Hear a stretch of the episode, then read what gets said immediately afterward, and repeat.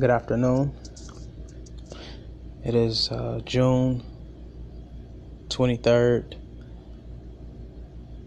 And what a great day it is to be thankful and grateful um, for the ability to um, have another opportunity at life.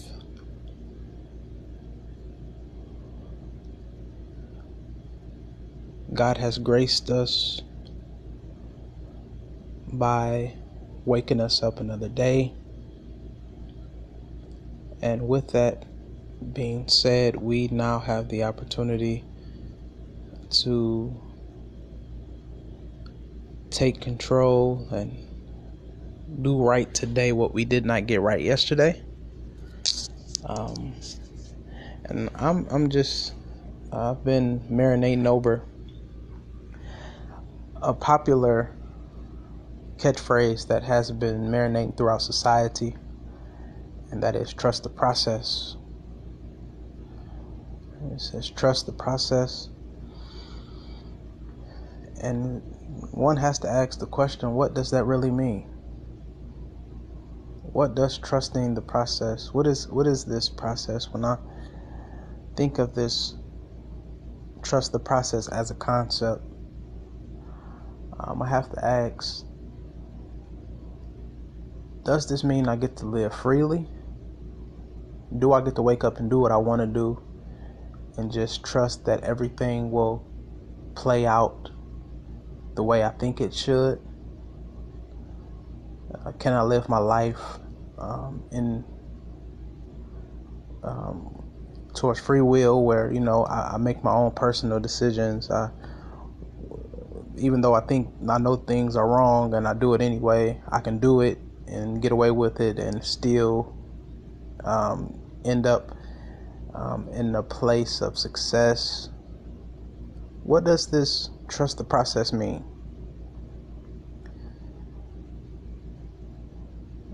We are given this, so so I, I begin to think and begin to marinate on it, and I just want to share a couple things that that has resonated within who God made me to be. And I am God conscious. I'm a very God conscious spiritual individual. And when I think about trusting the process, I look at it in a sense of knowing that we have been placed on earth for a specific purpose and reason, and that each individual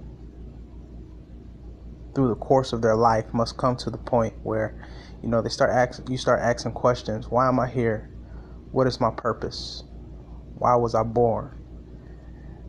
And when you reach that point um, it causes you to embark on a journey.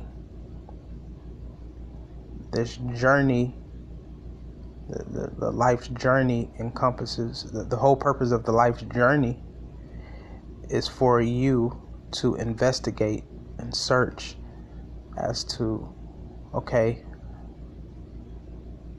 I think I know why I'm here. Now why do, why I think I'm here is it's time for me to you know start at point A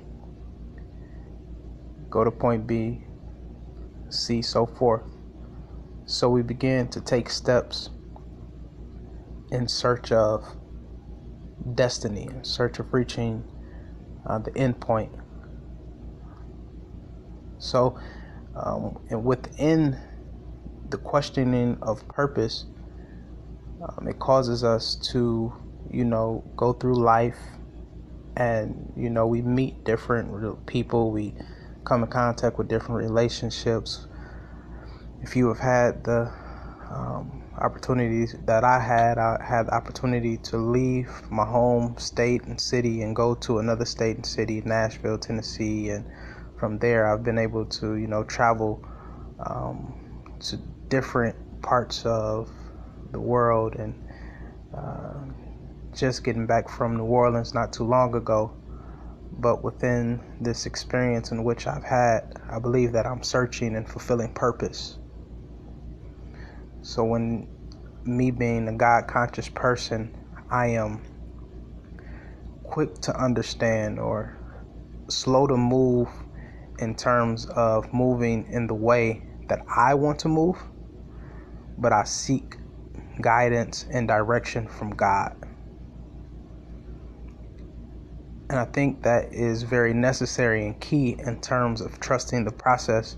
It's not to say that um, trusting the process is not being able to do what you want to do. Um, now, the thing about it is, you do have the freedom to make your own personal decisions, but for every decision that you make, um, it yields a certain type of outcome or conclusion. So for you, in order for you to to make it to where you want to go, or to where you think you're fully uh, God's called you to go, you have to make the right decisions, make wise decisions. Every bad decision causes for you to setback. Uh, the thing, the thing about it, you know, life comes and life hits us with unexpected things that could possibly be unfortunate, and yet those unfortunate things that you know occur in our lives they ultimately work in God's plan in the overall scheme of things, but yet as individual humans, we must come to a consciousness uh, to know that uh, we need to seek the Creator, God, who has made us, that we live according to His purpose and His will. God birthed us and we have our own will.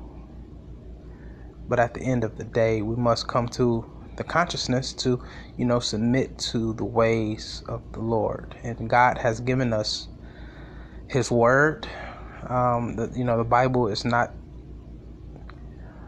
um, a piece of literature that you know is popularly read throughout these days now, but God has also given us His Spirit. Um, and, and within the Spirit, it is always something that is in us that gives us kind of like a gut feeling like you enter into a certain space and uh, you have this energy where you know that mm, it this doesn't just this doesn't feel right, and you leave or you're getting ready to make a decision and something within you say, okay, this doesn't feel right. It gives you reservation and apprehensions. Okay, so I don't feel right, so I decide I'm not going to make this decision, or it's something in you that says you should make this move now, and this is the the, the perfect time for you to make this decision. Um, you must be in tune with your spirit, and uh, God's word gives us direction as to uh, as it connects or as it relates to His spirit. Um, there are biblical truths and scriptures that help us to distinguish uh, the right way of moving and the wrong way of moving. And uh, Proverbs is a great book of wisdom that helps govern our, you know, our thinking patterns that ultimately determine our attitude and behavior. So if you are in search trying to figure out where should I start, I believe the book of Proverbs is a great book to start. Um, it gives you direction. It it it, it tells you uh, when to speak and when not to speak, and um, the you know it, it, tells you that he who walks with uh, wise men will yield a life full of you know fruitfulness. But he who walks with foolish men will um, ultimately end up in destruction. And um, he who you know is a drunkard will drink himself into poverty but you know he who has a soft tongue you know you know removes anger and all that type of stuff. So that's a very good book and it helps us you know to maneuver in life on this course or even just gives you um, the ammunition uh, to help you govern your next step your next move. Um, so i'm thinking about trusting the process and at this point in my life if i were to be true and honest i am not exactly where I envision myself to be. I don't think I have reached the point in which I have been created for. Um, but trusting in the process, you have to have a bit of patience. And that's one of the hardest things for us to have as humans because right now we're living in a microwave society where um, we, we want things to come fast. We, we want the outcome to come um, expedient. But it doesn't work like that. You have to have patience. Um, patience helps you to better hold on to the prize when you get there or the reward when you get it. Uh, we want to we want things to come instantly and it doesn't work like that if things were to come so fast we wouldn't know exactly how to value and appreciate the things that are going ready to come towards us so you must have patience and learn how to be patient in all things. Um, I'm saying that in the sense of, uh, you know, being a driver and being in, you know, traffic and and you're trying to get to your destination, but yet, you know, you're on the road with other people, and as you're driving with other people, um, sometimes, you know, other people are can can can drive crazy. And you know that if you're quick to respond to how other people drive it can throw you off. So sometimes you know by being in traffic you have to develop a sense of patience to understand okay yeah we are headed somewhere but you know if i speed and i'm not going to get there that much faster i don't want to risk my life trying to get to where i'm going so developing patience helps you in the long term to get to your destination and to help you fulfill your purpose. You have to be slow or drive at a pace to get to where you're going in a world where you can so easily be consumed with the chaos of life. Not only do you have to have patience, but discipline as well. Learning to have a sense of discipline about yourself and knowing that there's some things you can do. You have to know yourself. Let me say that. You have to know yourself. When you know yourself, um, you know how to better attack situations as they come. One thing about you know fitting in and you know being with the popular crowd, you're dealing with a lot of superficial people dealing with a lot of people who um, are real not too much on the surface. I mean, they, they seem to be a lot on the surface, but when it comes to their substance, they're they're shallow. Um, and this is not all people, but for most people, the popular crowd I found to be people who are trendy people. Whatever the trend is, you can be um, something could be trending today, and the trend shifts and the crowd that was following the trend yesterday is now moving to the trend that's uh, that just came about today and the trend so when i say we're living in a microwave society things move so fast that the people who are trendy and popular they move to these things so fast too that you never slow down and get a chance to know who you are so once you know who you are slow down long enough to you know be in tune with yourself uh, meditation also helps. Uh, just trying to meditate 20 minutes to 30 minutes a day and just uh, sit down and reflect. It helps for you to find who you are and helps you to come to become one with yourself. Um, you know, in a, in a in a society where you can so easily be consumed with everything that's going on around you sometimes you can lose yourself and you have to slow down long enough to find out who you are. What are you?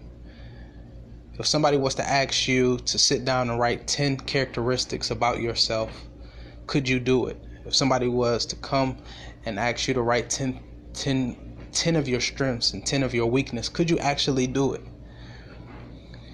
Could you sit down and say, I'm reserved person or I am a social butterfly or I am a great leader or could you could could you actually do this? This this these things help in building and, and helping you to know who you are. Um, and as I was saying discipline helps because it causes you to build somewhat of a structure somewhat of a structure structure in terms of um, there are just some things you can do, and there are just some things you know you cannot do. There are some places you know when to engage people and you know to withhold. Well, for me, this is me.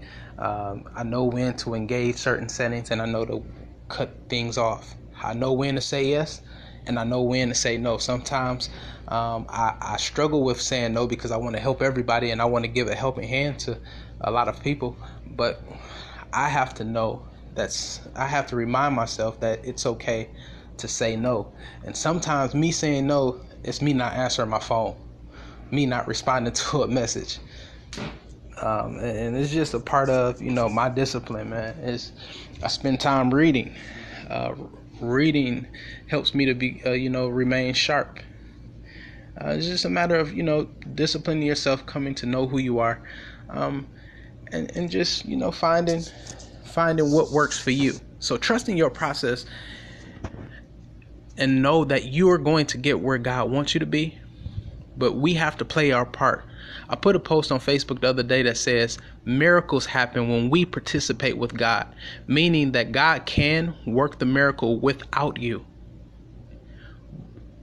But most, well, all miracles within the Bible says that um, every miracle that happens happened when there was participation participation in the human experience, meaning that God had the power, He always has the power, but it takes for me and you to help assist God as God is seeking to make you better, to bring about a miracle.